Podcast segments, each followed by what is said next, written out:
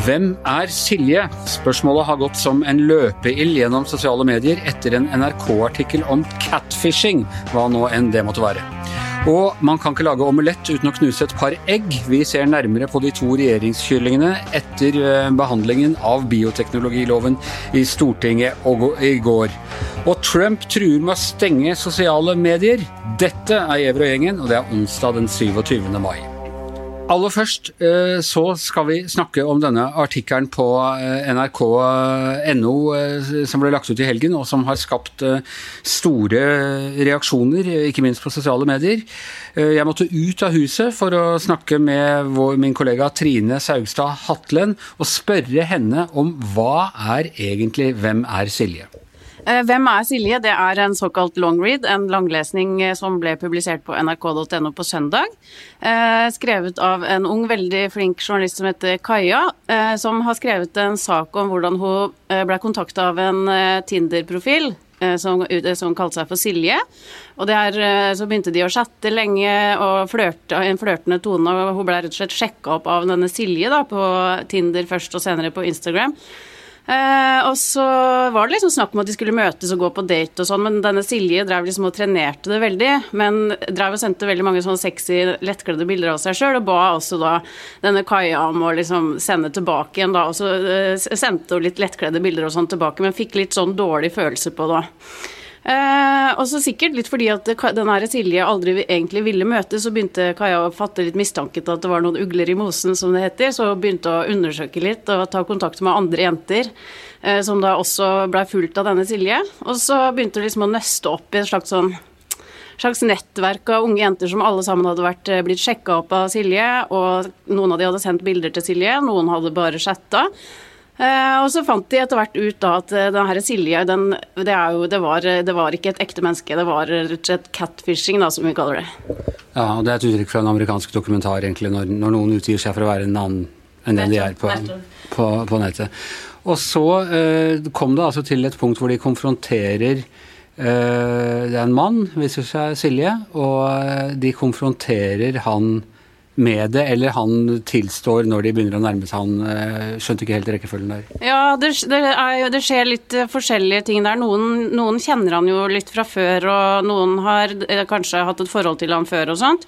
Så begynner det liksom å neste Og først så sier han at han ikke kjenner til den profilen, men så seinere så kommer det fram da hvor han faktisk sender en lang beklagelse til NRK-journalisten, og flere av de andre jentene også da har fått beklagelser av mannen, da, som han legger seg helt flat og liksom sier at han har vært, rett og slett vært i en veldig dårlig periode av livet og liksom blitt litt sånn Fått litt sånn, sånn der gir på det her, da. Fått synes at det har vært spennende å lure disse jentene til å sende, sende bilder av seg selv og chatte med de og sånn. Uh, så han uh, la seg helt flat og beklaga veldig. Uh, og jeg tror det var faktisk var snakk om noe sånn nesten 50 jenter som alle hadde blitt lurt av Silje, da. Som da viste seg å være en, en, en ung mann. Men istedenfor at saken da har eh, fokusert på dette for så vidt fascinerende fenomenet og det vi alle blir advart om, at husk at du ikke vet hvem folk på, på internett er, så har det blitt en jakt på hvem Silje er. Hvem er denne mannen? Og det er, lagt ut, det er ganske mange eh, spor i selve saken som gjør at man Nok til å begynne å spekulere, men ikke nok til å identifisere. Ja, og det er jo det som egentlig er litt trist, for det er et veldig viktig tema eh, som saken handler om. Det er mange unge som, eller mange og voksne, det er jo mange voksne som også blir lurt av eh, hyggelige mennesker på internett. Nigeria-prinsesser og sånn? Ja, ikke sant. Eh, men det du på en måte hele søndagen og for så vidt utover mandagen også, for det blei en helt enorm snakk snakkes det her blei på en måte et slags sånn der, eh, spill, et slags puslespill hvor folk satt sammen på internett, og da spesielt på dette grusomme appen Jodel, hvor man bare kan sitte og diskutere helt anonymt. Eh, jeg satt og fulgte med litt utover søndagen der, og der var det vel noe sånt som 1500 kommentarer, eh, hvor da man tatt og spekulerte og gravde på Facebook-profiler og Instagram-profiler, og navnga sikkert en 30-40 menn, som de på en måte tok for seg navn etter navn, da. Eh, kan det være denne? Og så diskuterte de, begynte de å diskutere og liksom utelukke, og så gikk de videre, og så Så er jo noe sånt som 50 menn i Oslo som på en måte kunne passe profilen litt, ut ifra de ledetrådene man kunne liksom grave, den, grave, frem i den saken, som nå på en måte har gått og vært mistenkte for å på en måte ja, lure jenter på internett. da. Ja, for nei, De identifikasjonspointene som er der, er bl.a. å oppgis hvilken bransje han tilhører, omtrent hvilken alder han er i, og at man ved å gå inn eh, via journalist Kaja Kirseboms profil eh, Man skjønner at det er eh, personer som har, tilhører da, en person som tilhører et spesielt miljø. Man kan nøste i sånne vennskap via Instagram og Facebook og sånn. Ja, og jeg, jeg, så at NRK har jo fått litt kritikk for måten de har anonymisert på, da. Og de har nok kanskje tatt litt lett på det der. Jeg så hvor redaksjonssjefen svarte noe sånt som at det, de hadde, det var et par hundre som kunne passe denne profilen, og det, da syns de det var nok, på en måte. Men det er jo egentlig altfor få til å ikke sånn Jeg tror rett og slett de har tatt litt for lett på det. De burde kanskje anonymisert bedre, utelatt noen av detaljer, kanskje skrevet om, eh, og bare opplyst om det i saken, da. Eh, vi har, skrevet, vi har byttet bransje på mannen for å utelukke. Eh, jeg var ute en tur på, i går på fotballpub, og da møtte jeg en av de som på en måte fikk en time på Jodel da, hvor uh, han fortalte at han satt uh, helt vanlig søndag, og så plutselig så sier samboeren hans sånn Oi, shit, nå, uh, nå tror de det er deg. Uh, sa, Fordi det navnet hans var kommet opp på disse Jodel-diskusjonene? Ja, altså ikke, var, uh, Man får ikke lov å skrive fulle navn på Jodel, men uh, man kan skrive initialer. og så kan man liksom Så kan man gi andre hint, da, og så er det ganske, da er det ganske lett å finne ut hvem det var. da, Så han fortalte at han satt en time da på Jodel og så liksom altså et par tusen mennesker sitte og diskutere om han var en, en hva skal man si, en, en som hadde lurt jenter på internett eller ikke. Og det er jo en helt absurd følelse. Det, du, du mister jo helt kontroll over dine egne. Han fortalte han plutselig tikka det inn med venneforespørsler fra folk som tydeligvis bare var nysgjerrig på han og ville inn og snoke enda mer på profilene hans og sånn. Men eh, så sa han sånn, men etter en time så hadde de gått videre til nestemann, da. Og alle disse her, veldig mange av de er jo på en måte i det samme nettverket, da, så det er jo uh, forferdelig å tenke på at, uh, at uh, så mange menn har hatt det stempelet på seg. Og så er det en annen ting som slo meg. altså Hun eh, Kirsebom eh, forteller at denne personen som var Silje, eh, har hun hatt en relasjon til for noen år siden, uten å redegjøre helt for det. Og Skaper ikke det også visse problemer? Altså vi, Når man da ikke vet hva slags relasjon det er, burde det ikke være en som i hvert fall tok saken som ikke hadde noe personlig relasjon, for å unngå spekulasjoner om at, dette, at det kunne ligge noen hevnmotiver eller noe som helst sånn i avsløringen? Ja, ja det, det, kan du sikkert ha rett i. Jeg tenkte ikke så mye over det om hva den relasjonen eventuelt kunne være. Men uh, ordet relasjon er jo sånn at man tenker uh, at de kanskje hadde et uh, forhold, da. men det, det veit jeg egentlig ikke. Det kan jo også hende at de ja, har jobba sammen. Kan ha vært kolleger, ja. Kollegaer, eller jeg tror Det var veldig mange av hennes tidligere kollegaer som på en måte måtte være med i den her runddansen, da. Er det han, er det han? Og så er hele artikkelen er veldig fiffig skrevet. Det er sånn litt sånn den er veldig godt skrevet. og veldig sånn god oppbygning, og dramaturgien er spennende. Det blir som å være med på en sånn stor true crime-plott, egentlig. da. Og det er ikke noe tvil om at det pirra veldig manges nysgjerrighet gjennom hele søndagen og utover mandagen også, da, før Jodel valgte å slette hele tråden til slutt. da. Alt ble borte. Og, men det er vel da noe av problemet man ønsket å sette søkelys på denne catfishingen. Det er en fascinerende historie om det. ikke sant? Og vi, vi har jo alle fått sånne helt åpenbart falske profilgreier, men, men sånt, det ligger et sånt lite hverdagsmysterium som vi alle kan opp, oppleve. Men det blir, de har vel ikke lykkes helt når hele fokuset går på hvem Silje var, istedenfor hva en sånn catfishing-situasjon er for noe og gjør, gjør, med de som blir utsatt for det? Nei, ja, Det skulle jeg veldig gjerne høre hva NRK tenker om nå i ettertid. For de har jo lagt ned kjempemye jobb i den artikkelen her, og det var et bra tema, kjempebra tema. Den er sikkert lest vanvittig godt, skapt et stort engasjement, men så på en måte blir det jo litt på feil premisser, da. Ja, vi er helt sikkert ikke ferdig med å diskutere den saken i eh, norsk offentlighet i eh, dagene som kommer. Men vi skal tilbake til norsk politikk. Eh, en eh, helt eksepsjonell dag i Stortinget i går. Hanne Skartveit og Tone Sofie Aglen. Og Hanne, du konkluderte med at det var Kristelig Folkepartis store, store nederlag. Nederlaget var så stort at du måtte skrive det to ganger. ja. Nei, de tapte alt i går. Eh, Kjell Ingolf Ropstad, KrF-lederen, fikk jo sitt, eh, sitt, sin vilje i linjevalget til KrF, bl.a. fordi han lovet folka sine at de skulle få endret kriteriene for senabort i abortloven. Det skjedde ikke. Og så var den store seieren de fikk i Granavolden-erklæringen, altså den erklæringen som de fire partiene gikk sammen om da de ble flertallsregjering. Store seieren der var at de skulle, de skulle få stanse ha veto i alle spørsmål om bio- og genteknologi. I går røyk også det. Ja. Så nå, hvorfor, hva i all verden gjør de i regjering nå? Nei, Nå er det vel bundet til masse. Det er ikke så lett å gå ut nå heller, men det er eh, ikke lett for KrF, dette. Han reagerte mm, ved å si at han skulle Altså Eh, i den grad han er ansvarlig for dette i regjeringen, så skal hun trenere det arbeidet lengst mulig, så, så, at det i hvert fall tar lang tid før det trer i kraft? Det må jeg si, jeg har aldri gjennom alle mine år som, eh, med politisk journalistikk hørt en statsråd si at de skal trenere noe som er vedtatt i Stortinget. Det er helt eh, Det var nok i stundens raseri, skuffelse, en emosjonell uttalelse, men en statsråd kan ikke uttale seg på den måten om Stortinget. Det er helt uakseptabelt. Er ikke det sånn det blir regjeringskrise av? Og mistillitsforslag og sånne ting? Det blir jo alltid mistillit dersom det er flertall for å kaste regjeringa. Så det er klart, Hvis det hadde vært et, et, ønske i et flertall i Stortinget nå om å kaste regjeringa, så hadde de kasta den. Men da kunne de kastet regjeringa på hva som helst. Poenget er at det er ingen som ønsker å ta over akkurat nå. Nei, Men dette er sånn helt på grensen til å altså, når, når en statsråd står i Stortinget eh, og, og sier at uh, han ikke vil uh, han vil motarbeide det Stortinget har bestemt, så er det helt omvendt av hele vår konstitusjonelle skikk, er det ikke? For å si det på godt norsk, det er på trynet. Tone Sofie, vi snakket jo litt om dette her på morgenmøtet i dag. og det ble antydet at vi nærmest må ha litt forståelse for at han Ropstad er litt lei seg nå. Litt sur og vrang som en foruretta åtteåring. Ja, jeg traff henne i går. Jeg må jo si til å ha tapt så stort som de har gjort, på en ting som jeg tror på en måte er veldig sånn dypt og ektefølt uh, vanskelig for uh, KrF, så tror jeg liksom i stundens uh, øyeblikk at man skal se litt gjennom fingrene. og Du så jo at han rodde seg litt sånn inn utover kvelden og mente det vel ikke helt sånn, da, men det er jo som Hanne sier, at uansett hvor dårlig man liker vedtakene i Stortinget, så Eh, er jo regjeringa sin, eh, sin, plikt å, å, gjennomføre dem.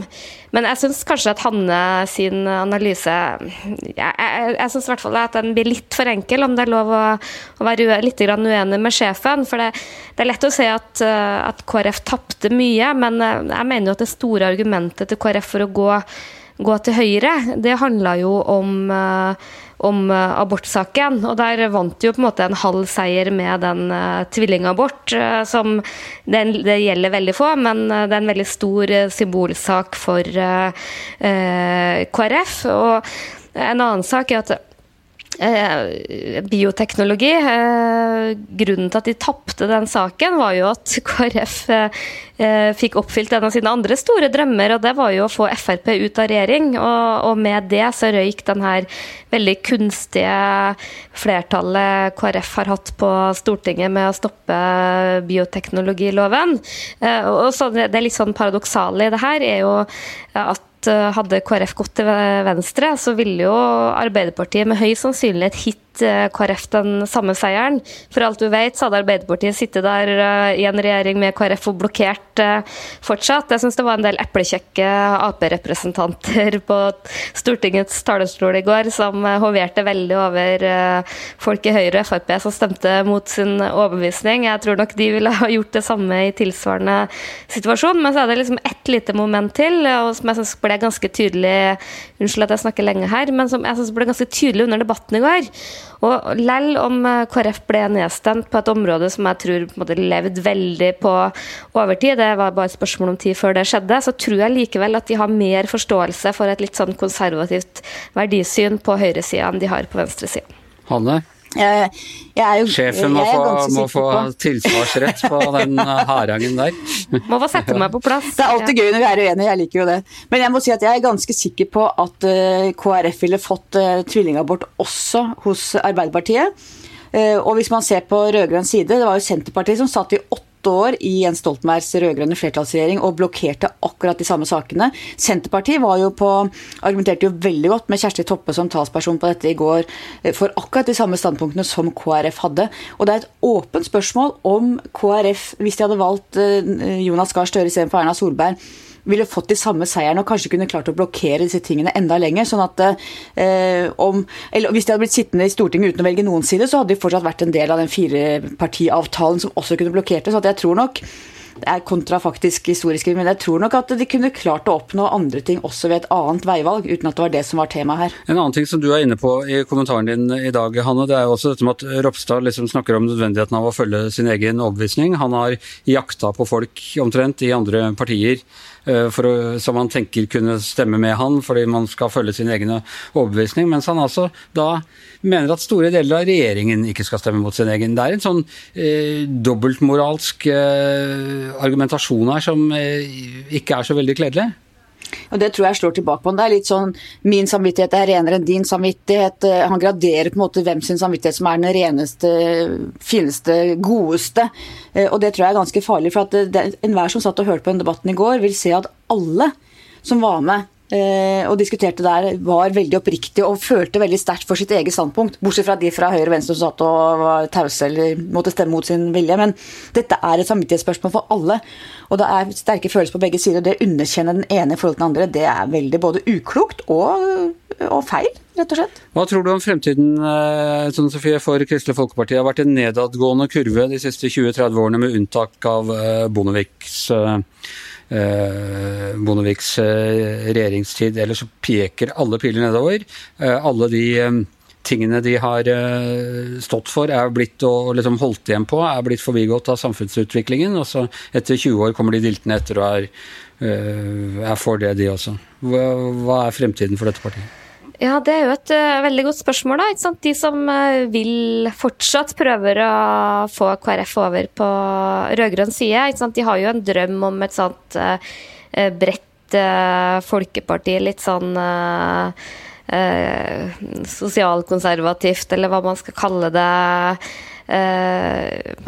men utfordringa er jo at det er ganske stor konkurranse om de velgerne på den sida der. Og så har jo på en måte resepten til høyresida i partiet, som Ropstad anfører for, at uh, man må liksom tydeliggjøre seg som uh, verdiparti, og der KrF er særegen. Jeg, tror liksom nesten helt umulig å vite hvem som har rett. Det eneste som er sikkert, at i hvert fall ved å appellere til de kristne velgerne, så vet du i hvert fall hvem du har der.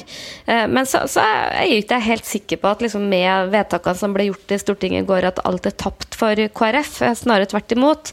Fikk de i hvert fall synliggjort at eh, at de kjempa med nebb og klør, om ikke så veldig taktisk, og, og vant fram. Og jeg tror jo at uh, de her dilemmaene knytta til bioteknologi, knytta til de her testene som gjør at du kan få vite mer og mer om fosteret, det, det, vil jo det vil komme veldig mange etiske og vanskelige saker framover. Så det er ikke sikkert at uh, for det KrF tapte i dag, så tror jeg de kan fortsatt spille en ganske viktig rolle i de, i de debattene. Og liksom si at de kommer halsen etter 20 år, det kan du på en måte si men de vil kanskje også si at de er litt sånn bremseklosser og, og holder igjen, og, som også er en funksjon i, i, samfunnet. En stadig mindre bremsekloss i så fall. Mitt favorittpolitiske sitat var han lederen for eh, lederen for uh, Norges Kommunistparti på valgnatta i 1985, og de var nede på en par promille, og så blir han spurt nå kan dere vel ikke bli særlig mindre, og så svarer han selvsikkert jo da, vi kan bli mye mindre. Uh, Eh, vi må eh, snakke om Venstre. Eh, det blusser opp til ny lederstrid, eller gjør det det? Sveinung Rotevatn ble lansert som, som, ny leder for partiet i dag. Er det da er dette klarert med bakrommet, eller kommer det nå til å melde seg på omtrent hvert eneste Venstre-medlem i kampen om å få det levevervet, tror du, Tone Sofie? Ja, Han ble jo ikke akkurat lansert, han lanserte vel seg sjøl på Facebook. Eh, det har jo vært jobba litt kulissene her også. Så. Ja, og, og, det har jo vært en eh, ikke en åpen debatt i partiet i mange år, men det har jo vært det de stort sett har ulma og, og hviska om. Eh, for det har jo ikke vært ro og, og, tilfredshet med den ledesituasjonen eh, som har vært. og Eh, jeg tror at dersom det har vært en reell eh, lederkamp i vår, det, hvilket det ikke ble, så, så tror jeg Sveinung Rotevatn hadde vært den som hadde trekket det lengste strået. Men, men, det vet vi ikke, for det har liksom ikke vært vært en, en åpen kamp, en åpen diskusjon. Så liksom noen har mobilisert mer enn andre der. Og nå har man på en måte venta på at noen skal melde seg. Vi vet at det er ganske mange som enten blir pekt på, eller som har anti, eller sier at de stiller seg til disposisjon. Men nå er det jo kun Senung Rotevatn som faktisk har gjort det. og Det er liksom, liksom to måter å se det her på. Det kan være at um, han føler seg såpass sikker på å ha et flertall bak seg. Og, og også, han samarbeider også veldig godt med to av de andre kandidatene, Guri Melby og Iselin Nybø. At det er litt sånn, litt sånn under bordet klarert. Men jeg er også veldig spent på hva som nå skjer med f.eks. Abid Raja, om hans støttespillere kommer til å lansere han tydeligere enn det som har vært gjort før. Hva tror du, Hanne, nå som de er omtrent på størrelse med sin egen feilmargin? ja. har, har, de råd til en lederdebatt? De har jo ikke råd til en lederdebatt, men hvis det er noe vi veit sikkert om Venstre, så er det at de eh, Der kan alt skje alltid, og de kan drive selvskading på høyt nivå. Og eh, Nå spurte jeg om framtida til til Kristelig Folkeparti. Altså Venstre vant jo for så vidt denne saken her. Det må jo være en liten sånn uh, boost. Er det noe de kan bygge på i det som skjedde i Stortinget i går? Ja, men de stemte jo mot, da. Alle sammen. Det er det som er det absurde med hele den saken. Ja, Nei, med ett unntak. Det er det som er det absurde med den saken. Nei, Venstre, det er ikke godt å si. De har jo også vist en imponerende evne til å komme tilbake gang på gang, da. sånn at det er jo sammensatt. Ja, Eh, jeg holdt på å si det blir spennende å se, men det fins vel mer spennende ting i, eh, i norsk politikk enn akkurat eh, Venstres fremtid. Vi må innom, rett før vi gikk til sending her nå, så kom det melding om at Trump truer med å stenge sosiale medier. Eh, bakgrunnen er altså at Twitter har eh, stoppa en, eh, en, tweet fra han. En tweet hvor han ja, En kontroversiell påstand om at å avvikle valget gjennom posten ikke vil være mulig. Tidligere denne uka har han tweetet at han mistenker en kjent programleder for et TV-program i USA for å ha stått bak et drap. Eh, og nå truer han altså med å stenge sosiale medier. Eh, Hanne, hva tror du? Kommer han til å gjøre det? Ja, Det er jo eh, enda et utrolig innslag i en uh, utrolig fortelling. Eh, klart Han kan ikke stenge sosiale medier. og Hvis han prøver på det, så har han et svært apparat rundt seg som vil hindre det. altså USA, i motsetning til Kina f.eks., hvor de sensurerer internett og setter opp brannmurer og sånn, så er jo USA et demokrati hvor de har selvstendige institusjoner. Så det er klart det vil ikke skje, men bare at en president i USA kommer med en sånn uttalelse, er um, i en annen virkelighet enn den vi er vant til. Men det åpner jo også for en prinsipielt interessant diskusjon, dette. Altså hvem er ansvarlig for eh, det som står på Twitter? Eh, hvis eh, Trump skriver et eh, leserinnlegg i VG, så vil fortsatt Gard Steiro være Uh, juridisk og presseetisk ansvarlig for de påstandene som settes han, uh, I VG kunne vi ikke trykket den tweeten til Trump sånn helt uten videre eh, om at denne programlederen bør etterforske, etterforskes for drap, ikke sant? Fordi det er en, det er en påstand som må kunne dokumenteres på en, på en helt annen måte. Mens Twitter og sosiale medier de har jo ikke dette redaktøransvaret. Og hvis man Eh, og hvis de nå begynner å ta det, vil det da ødelegge hele eh, både forretningsmodellen og den eh, ytringsfriheten som tross alt har hersket i disse mediene? Ja, Det er en utrolig interessant diskusjon. for De har jo sett på deg selv som en formidler. ikke sant? Og så har de jo sett at de sosiale mediene i noen land har det ført til eh, informasjon som er spredd, som har bidratt til folkemord. ikke sant? Altså De har de har laget en kanal som de ikke har redaktøransvar for, men hvem har ansvaret da? Og dette vil nok i hvert fall skape en ny debatt rundt akkurat de spørsmålene. Jeg syns det er utrolig interessant, og jeg har ingen fasitsvar på det. Hva tenker du, Anders? Eh, jeg tenker at dette er et innspill fra Donald Trump fordi han gjerne vil ha en spennende eh, akademisk debatt om eh, ytringsfrihet i, i sosiale medier. Nei, jeg tror at Trump gjør dette som Altså Av og til gjør han ting i blindt raseri. Dette tror jeg er ganske overveid. Han vil skape storm på, på Twitter mot eh, mot Twitters inngripen i, i, hva som tweetes, og da vet han at han har mange, også kanskje folk som vanligvis er uenige med ham, på sin side. Det tror jeg var det vi rakk eh, på Giæver og gjengen i dag. Eh, vi er tilbake i morgen. Eh, Tone Sofie Aglen, Hanne B. Skartveit, Anders Giæver, Trine Saugestad Hatlen og vår produsent på livstid, som ikke trenger å lansere sine kandidaturer verken på Twitter eller Facebook, heter Magne Antonsen. Takk for i dag.